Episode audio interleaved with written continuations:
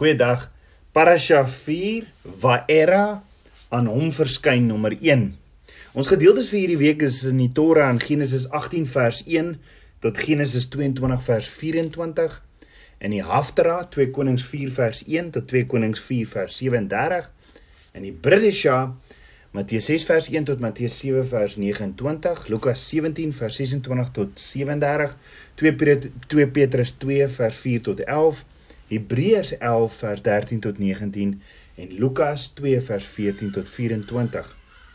Die vierde lesing uit die boek Genesis word genoem Waera wat beteken aan hom verskyn omdat Genesis 18 vers 1 sê daarna het Jahweh aan hom verskyn by die terpentynbome van Mamre terwyl hy Abraham by die ingang van die tent sit op die warmste van die dag Parasha of gedeelte Waera gaan voort met die reeks gelooftoetse van Abraham en eindig in een groot en laaste verhoor.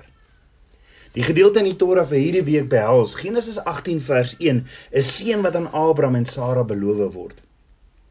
Genesis 18 vers 16, 'n oordeel uitgespreek oor Sodom. Genesis 19 vers 1, 'n verdorwenheid van Sodom. Genesis 19 vers 12 Sodom en Gomorra verwoes. Genesis 19 vers 30 die skandelike oorsprong van Moab en Ammon. Genesis 20 vers 1 Abraham en Sara by Gerar. Genesis 21 vers 1 die geboorte van Isak. Genesis 21 vers 8 Hagar en Ismael word weggestuur. Genesis 21 vers 22 Abraham en Abimelech het 'n verbond gesluit en Genesis 22 vers 1 die opdrag om Isak te offer. En dan Genesis 22 vers 20 die kinders van Nahor. Die gedeelte in die Haftara vir die week wat saam bestudeer word sien ons behels 2 Konings 4 vers 1 die olie van die weduwee en die onwankelbare geloof. 2 Konings 4 vers 8 plek vir die man van God, die bokkamer. 2 Konings 4 vers 16 elke tyd oor sulke tyd oor 'n jaar sal jy 'n seën omhels. 2 Konings 4 vers 29 lê my staf op die gesig van die seun en dan 2 Konings 4 vers 40 die dood is in die pot. Die gedeelte in die Bridesha vir die week wat ook saam bestudeer word sien ons behels Matteus 6 vers 1 en Matteus 7 vers 29 die bergpredikasie. Lukas 17 vers 26 tot 37 soos in die dae van Lot, soos laat wees in die dag wanneer die seun van die mens geopenbaar word. 2 Petrus 2 vers 4 tot 11 die oordeel van Abba Vader. Hebreërs 11 vers 13 tot 19 in geloof het hulle gesterwe sonder om die belofte te verkry. Lukas 2 vers 14 tot 24 nutteloos van geloof nutteloos is geloof sonder werke. Appa Vader se woord sê in Genesis 18 vers 1 daarna het die Here aan hom verskyn by die terpentynbome van Mamre terwyl hy by die ingang van die tent sit op die warmste van die dag.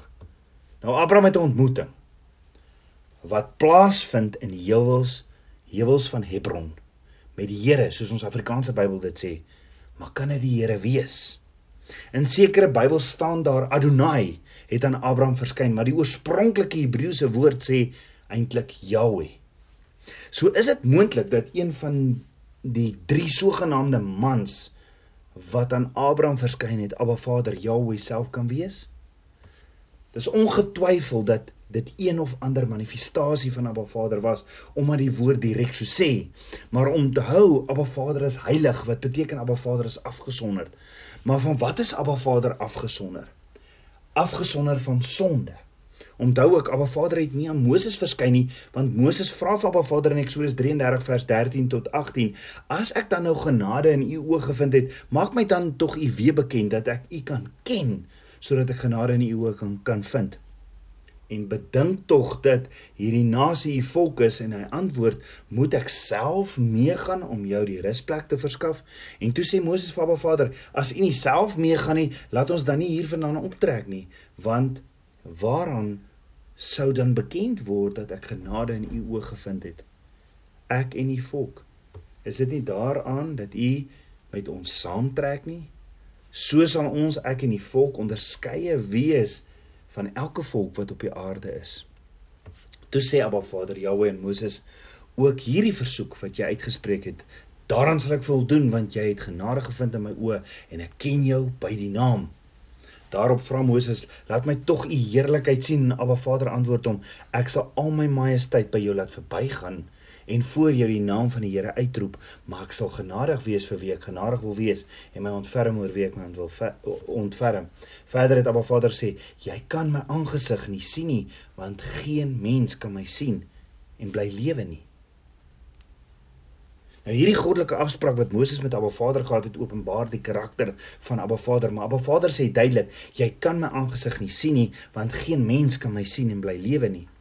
Abba Vader sê verder in Eksodus 30 vers 20 tot 22 en as my heerlikheid verbygaan sal ek jou in die skeer van die rots stel en jou met my hand oordek totdat ek verbygegaan het. En as ek my hand wegneem, sal jy my van agter sien, maar my aangesig kan nie gesien word nie. Nou Abba Vader is nie 'n God wat verander nie en en as Moses nie Abba Vader se aangesig kon sien nie kon Abraham of hoe? So die verborgenheid of die misterie staan want kan dit Yeshua wees? Yeshua se eers Yeshua is eers jare later gebore as mens Immanuel met ons die algemene reël in die evangeliese kerke is as Abba Vader fisiese eienskap het, is dit Yeshua, maar kan dit Yeshua wees? Hoor wat sê Genesis 18 vers 2. Toe het Abraham sy oë opslaan en kyk, staan daar drie manne voor hom. En toe hulle sien, toe hy hulle sien, loop hy hulle tegemoet van die ingang van die tent af en buig hom na die aarde toe. Die Hebreëse naam wat vir die drie manne gebruik word is Enosh wat spesifiek mans beteken soos by mense. Die woord Enosh verwys nooit na geestelike wesens nie. Soos dit moontlik dat een van die mans 'n manifestasie van Jahweh is en die ander twee net mense. Daar's geleerdes wat glo dit was drie engele. Die punt is ons kan nie vir Abba Vader probeer boks met ons natuurlike denke nie want verseker het Abraham geweet dis sy lewende God vir wie hy aanbid. Want hy roep hom dadelik aan as Jahweh en hy val neer en hy buig homself na die aarde toe. Maar Vader het teen die tyd al 'n paar keer met Abraham gepraat en Abraham het presies geweet met wie hy praat. Dan ook hierdie drie individue het gesag gehad en het dinge geweet wat hulle andersins nie sou kon geweet het nie so Sara se naam of die feit dat sy onvrugbaar was. Daar's baie onenigheid oor of dit mans, engele of een van elk was. Maar dit maak nie saak nie. Ons moet onsself nie beperk met hoe Abba Vader homself kan manifesteer nie. Inteendeel, ek dink dit is totale dwaasheid om te glo dat ons Abba Vader aan enige perke kan onderwerp. So alhoewel daar 3 manne aan hom verskyn, spreek Abraham hulle aan as een. Ja, Deuteronomium 6 vers 4 sê sê Shema Israel Adonai Elohinu Adonai Echad. Hoor Israel, die Here jou God is een. Jy sien die wyse waarop Abraham hulle verwelkom sê dalk baie meer as wat ons lees.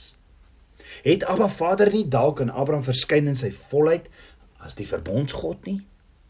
Is dit nie dalk moontlik dat Abba Vader sy volheid aan Abraham kom demonstreer as ook die volheid van sy belofte aan hom nie? Want dink daaroor. Wat was die doel van hierdie besoek? Eerstens in Genesis 18 vers 9 tot 10 staan: Toe sê hulle vir Abraham: "Waar is Sara, u vrou?" En hy antwoord: "Daar in die tent." En hy sê: "Ek sal oor 'n jaar sekerlik weer na jou toe kom, dan sal jou vrou Sara 'n seun hê." Nou onthou daar was hierdie belofte van Abba Vader aan Abraham van 'n seun en die belofte het so stap vir stap gekom. Want onthou nou weer, in Genesis 12 vers 2 sien ons eerstens hoe Abba Vader vir Abraham sê dat hy Abraham tot 'n groot nasie sal maak. Met ander woorde dat Abraham baie kinders sal hê. Dan tweedens in Genesis 15 vers 4 word aan Abraham 'n erfgenaam beloof en dat die erfgenaam die seun van Abraham van nature sal wees. Dan derdens was Abraham in Genesis 17 vers 16 tot 21 verseker dat sy vrou Sara 'n seun sou kry En nou in Genesis 18 vers 10 staan oor 'n jaar sal Sara 'n seun hê. Kan jy sien hoe die een belofte nie die ander een wegvat nie. Nee, die een belofte bou op die volgende belofte. En dis hoe Abba Vader regdeur sy woord deur sy verbond met sy kinders ook werk. Oorgegou. Hierdie is baie baie belangrik. 'n Nuwe belofte of 'n nuwe verbond vervang nie 'n vorige belofte of verbond nie. Nee, dit neem net eenvoudig die som van die vorige vorige een na die volgende vlak toe. Byvoorbeeld as jy 'n huis bou, begin dit by voorbereiding van grond. Dan 'n fondasie, dan die eerste verdieping. So as die eerste verdieping gebou word, word die fondasie nie weggevat nie. Nee, die fondasie is juis daar want abba, want anders kan die eerste verdieping nie staan nie. Met ander woorde, sonder die goeie voorbereide grond kan jy nie 'n fondament hê nie en sonder die fondament kan jy nie die eerste verdieping hê nie. En as 'n mens die fondasie op een of ander manier kon verwyder sou die gebou ineenstort. Elke gedeelte van die boustruktuur is afhanklik van die ander en dit is hoe Abba Vader se beloftes en verbonde nog altyd werk. Die nuwe of eintlik die hernieude verbond, die verbond van Yeshua of soos ons dit ken die Nuwe Testament, is nie 'n verbond wat die voriges vervang het nie. En hy staan ook nie alleen nie. Nee, die nuwe verbond is afhanklik van al die voriges en is die vervulling van al die voriges, want elke verbond is gebou op die voorafgaande een. Net so met die beloftes van Abba Vader aan Abraham om 'n erfgenaam te bewerkstellig. Nou Sara wat al hoe lank wag op hierdie belofte het seker gedink ag nee. Ag nee wat hierdie gaan nie gebeur nie hoor. Want onthou sy was onvrugbaar en sy het selfs Hagar vir haar man gegee. So Genesis 18 vers 10 tot 12 sê en hy sê ek sal oor 'n jaar sekerlik weer na jou toe kom. Dan sal jou vrou Sara 'n seun hê. En Sara het geluister by die ingang van die tent wat agter hom was en Sara het by haarself gelag en gedink: "Sal ek wel eens sê nadat ek oud geword het en my Heer oud is?" So Sara het bespotlik gelag. En Genesis 18 vers 13 die sê: "Toe sê Jahweh vir Abraham: "Waarom het Sara daar gelag en gedink: Sou ek ook werklik baar nou dat ek oud geword het? Sou iets vir Jahweh te wonderbaar wees? Hierdie tyd oor 'n jaar sal ek na jou terugkom en Sara sal 'n seun hê." Met ander woorde, tweede vloer. Abba Vader maak dit duidelik dat Sara 'n seun sal hê want hy het besluit dit sal binne 'n jaar gebeur. Sara doen dan die natuurlike of menslike ding. Sy ontken dat sy gelag het. Maar let wel Sara se gelag is ook profeties want Isak se naam beteken laughter. Maar dink gou daaroor. Die feit dat Sara gelag het, het dit nie dalk haar ongeloof blootgestel nie? Want hoekom ontken sy dadelik sy dat sy gelag het? Of het haar ongeloof nie dalk die belofte van Abba Vader vertraag nie want onthou Abba Vader weet wat is die kondisie van jou hart. Ons kan vir hom niks wegsteek nie want sien Abba Vader se belofte het nie van Sara se biologiese klok of van haar interpretasie van hierdie belofte afgang of dit sou gebeur of nie. Nee alles hang van Abba Vader af en sy woord staan vas. Die woord sê in Genesis 18 vers 14, sou iets vir Jahweh te wonderbaar wees? Net so die vraag is, glo ek en jy waarlik dat niks van Ba Vader onmoontlik is nie? Glo ons onwrikbaar dat alles wat na Ba Vader se verbond vir ons opgesluit is, vir hom niks onmoontlik is nie?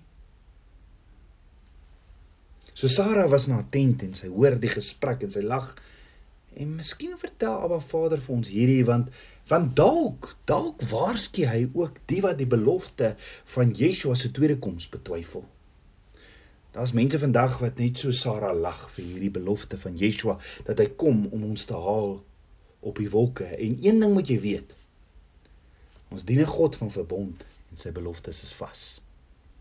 Ons bruidegom kom binnekort. Petrus sê In 2 Petrus 3 vers 3 tot 4, dit moet julle veral weet dat daar aan die einde van die dae spotters sal kom wat volgens hulle eie begeerlikhede wandel en sê: "Waar is die belofte van sy wederkoms?"